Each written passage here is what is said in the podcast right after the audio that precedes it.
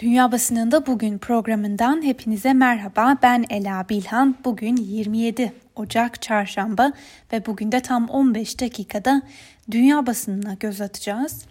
Bültenimize Amerikan basınıyla başlayalım. İlk gazetemiz New York Times gazetesi. Trump'ın azil duruşmasına karşı çıkan cumhuriyetçiler harekete geçti.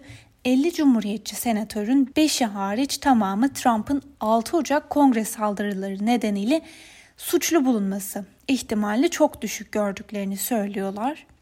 Trump'ın suçlu bulunması için dün de belirttiğimiz gibi Senato'da 3'te 2 çoğunluğun bu yönde karar vermesi gerekiyor. Bu da tam olarak 17 Cumhuriyetçi senatörün oyuna ihtiyaç olduğu anlamına geliyor. Aynı haber bugün Washington Post'un da gündeminde.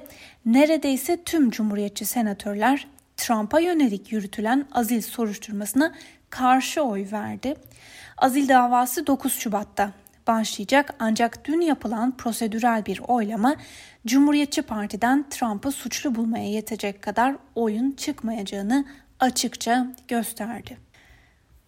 Bu arada son olarak 6 Ocak kongre saldırısında başarısız oldukları için sıkça eleştirilen kongre polisi de suçunu kabul ederek özür diledi. New York Times'ın haberine göre başarısız olarak adlandırılmalarının temelinde bu saldırı ihtimalini önceden biliyor olmalarına karşın önlem almamış olmalarıydı. Washington Post'un bir haberiyle devam edelim. Biden yönetimi ek 200 milyon aşı dozu almayı hedefliyor. Eğer yönetim bunu başarırsa ülkenin elindeki doz miktarı 600 milyona yükselecek ki bu da 300 milyon kişinin aşılanabileceği anlamına gelecek. Biden yönetimi ilk 100 günde 150 milyon doz aşı uygulamayı amaçlıyor. Bu da günlük yapılan aşıları 1 milyon dozdan 1,5 milyona yükseltmek anlamına gelecek. Plan kapsamında ABD'nin yaz sonuna kadar 300 milyon kişiyi aşılayacak miktarda doz aşısının olması bekleniyor. Bu arada ülkede can kaybı da 423 bine yükseldi. New York Times'tan James Carpetta bugünkü yorumunda sağlık sistemini hızlıca toparlamalıyız diye yazarken gazeteden Ezra Klein ise Biden'dan salgını yenmeye söz veren adam diye bahsetmiş. Voice of America'nın bir haberiyle devam edelim. Joe Biden'ın başkanlık koltuğuna oturmasının ve yeni yönetimin işbaşı yapmasının üzerinden yaklaşık bir hafta geçti. Washington bu süre zarfında en çok ABD Kongresi'nde yaşanan işlev bozukluğuna, Biden'ın imzaladığı kararnamelere ve eski başkan Trump'ın Senato'da 8 Şubat'ta başlayacak olan azil davasına odaklandı. Bu üç mesele Washington'da pek çok konuda partiler üstü uzlaşmaya varmayı neredeyse imkansız hale getirecek nitelikte. Ancak uzmanlar kongredeki demokratlar ve cumhuriyetçilerin Biden'ın geçen haftaki yemin töreninde yaptığı konuşmada altını çizdiği önceliklerin en az birkaç üzerinde uzlaşma sağlayabileceği görüşünde. Peki neydi bu öncelikler? Kısaca hatırlayalım. Koronavirüsü yardım paketi, göçmenlik politikası, iklim değişikliği ve ticaret politikası. Öte yandan Biden ve Rusya Devlet Başkanı Vladimir Putin de dün telefonda ilk kez görüştü. Amerikan basınında genel olarak bu görüşmenin gergin geçtiği yorumları yapılıyor. Nedenini de Washington Post şöyle açıklıyor. Trump Putin ile görüşmelerinde genel olarak alttan alır ve yumuşak bir üslup tercih ederdi. Ancak Biden dünkü görüşmede Trump'ın aksine insan hakları ihlallerini ve siber casusluk iddialarını gündeme getirdi. Beyaz Saray sözcüsünün aktardığına göre görüşmede Yeni Start Anlaşması, siber saldırılar, Ukrayna, Afganistan ve Rus muhalif lider Alexei Navalny gibi konular ele alındı. Öte yandan iki ülke arasında 5 Şubat tarihine kadar geçerli olan nükleer silah kontrol anlaşmasının süresinin uzatıldığı da belirtildi. Hazır yeri gelmişken Rus basının da Biden'la Putin arasındaki görüşmenin nasıl yankılandığına bakalım. Moscow Times'ın gündemine taşıdığı bu gelişme şu sözlerle değerlendiriliyor.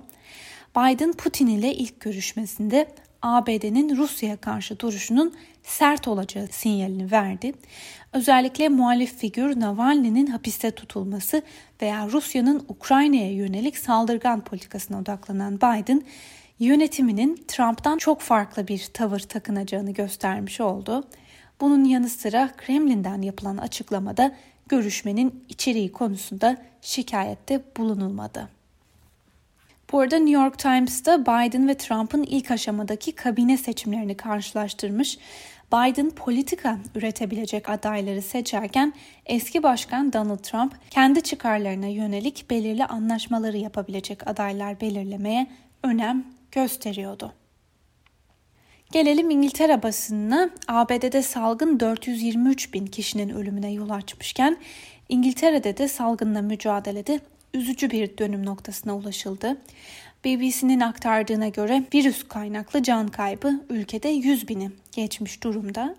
Ve bugün İngiltere'de yayınlanan gazetelerinin çoğunun manşetinde Başbakan Boris Johnson'ın can kaybını açıkladığı ve üzgün olduğunu söylediği basın toplantısında başını öne eğdiği fotoğraflar var.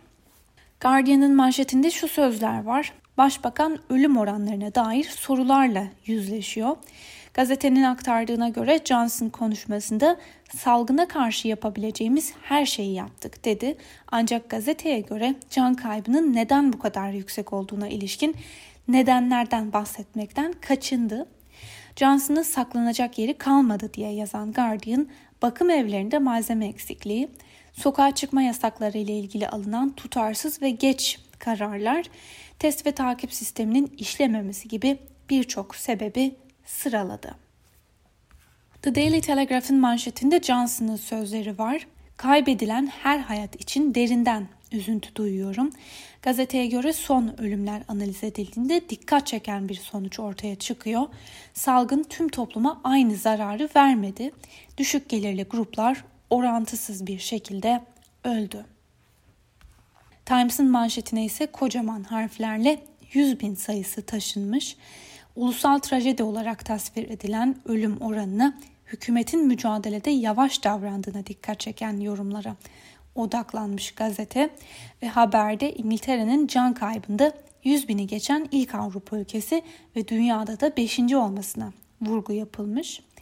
The Times gazetesi başarısızlığına rağmen Johnson'ın başbakanlık koltuğundan ayrılmasının yüksek bir ihtimal olmadığını yazmış.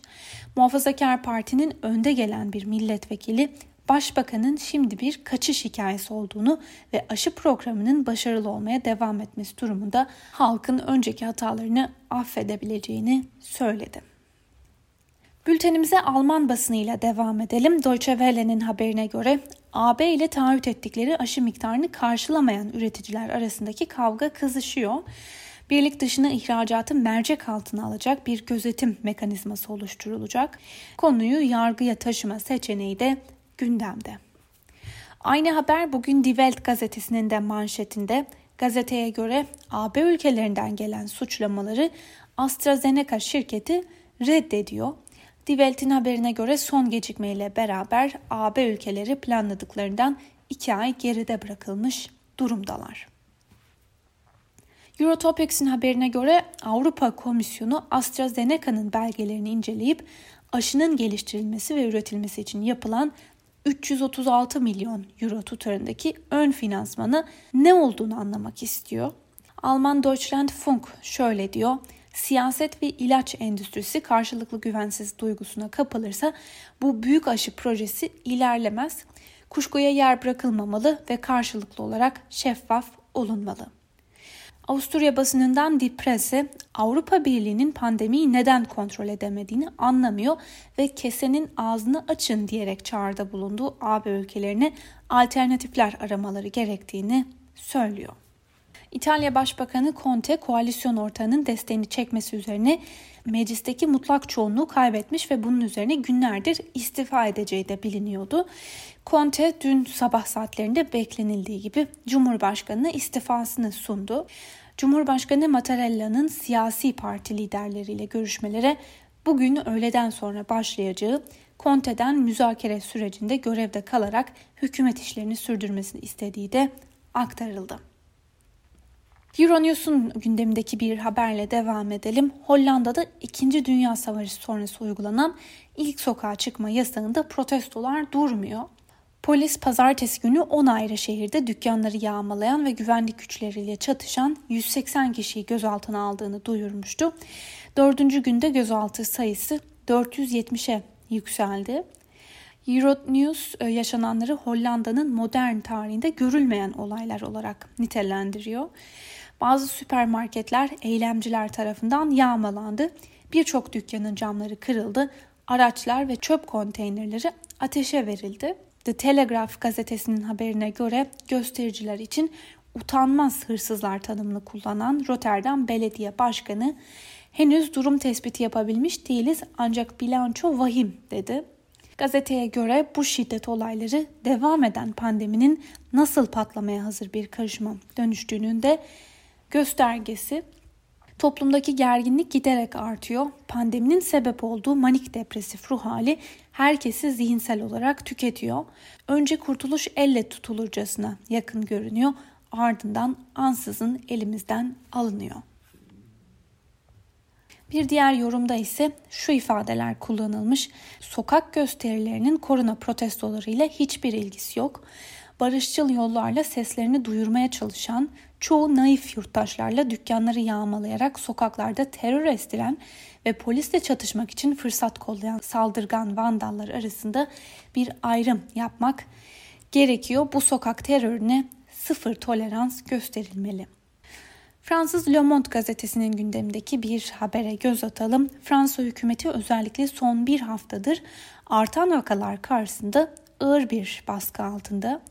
Önünde iki seçenek var. Ya bir an önce üçüncü kez ulusal kapanmaya gidecek ya da bir süre daha bekle ve gör taktiğini uygulamaya devam edecek.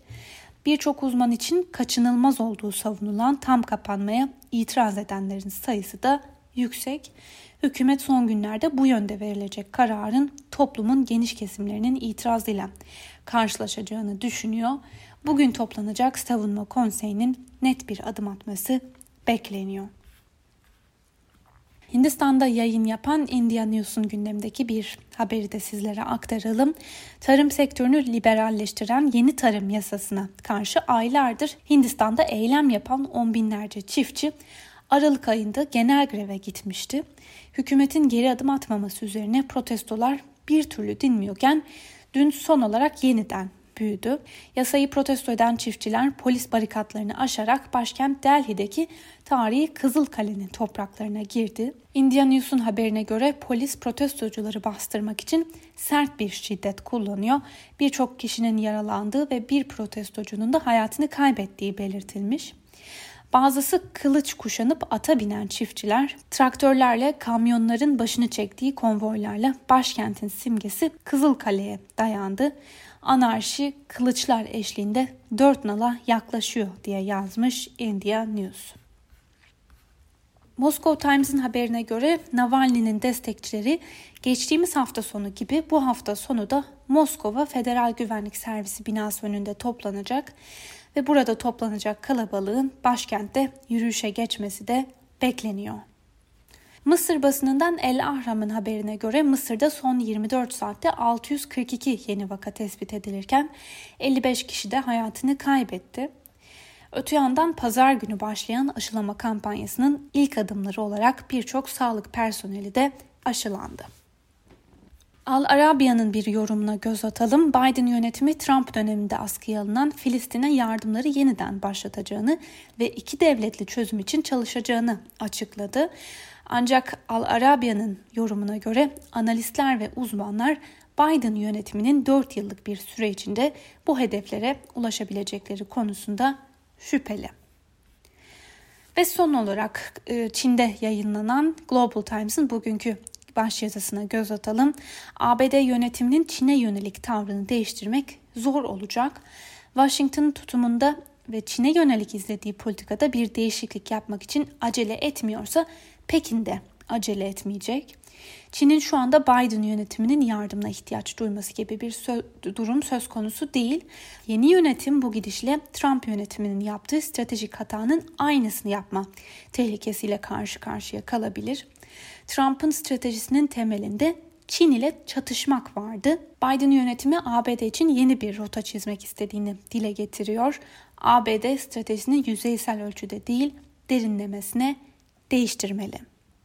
Sevgili Özgürüz Radyo dinleyicileri, Global Times'tan aktardığımız bu yorumla birlikte bugünkü programımızın da sonuna geldik. Yarın 12 haberlerinden sonra tekrar görüşmek dileğiyle. Şimdilik hoşçakalın.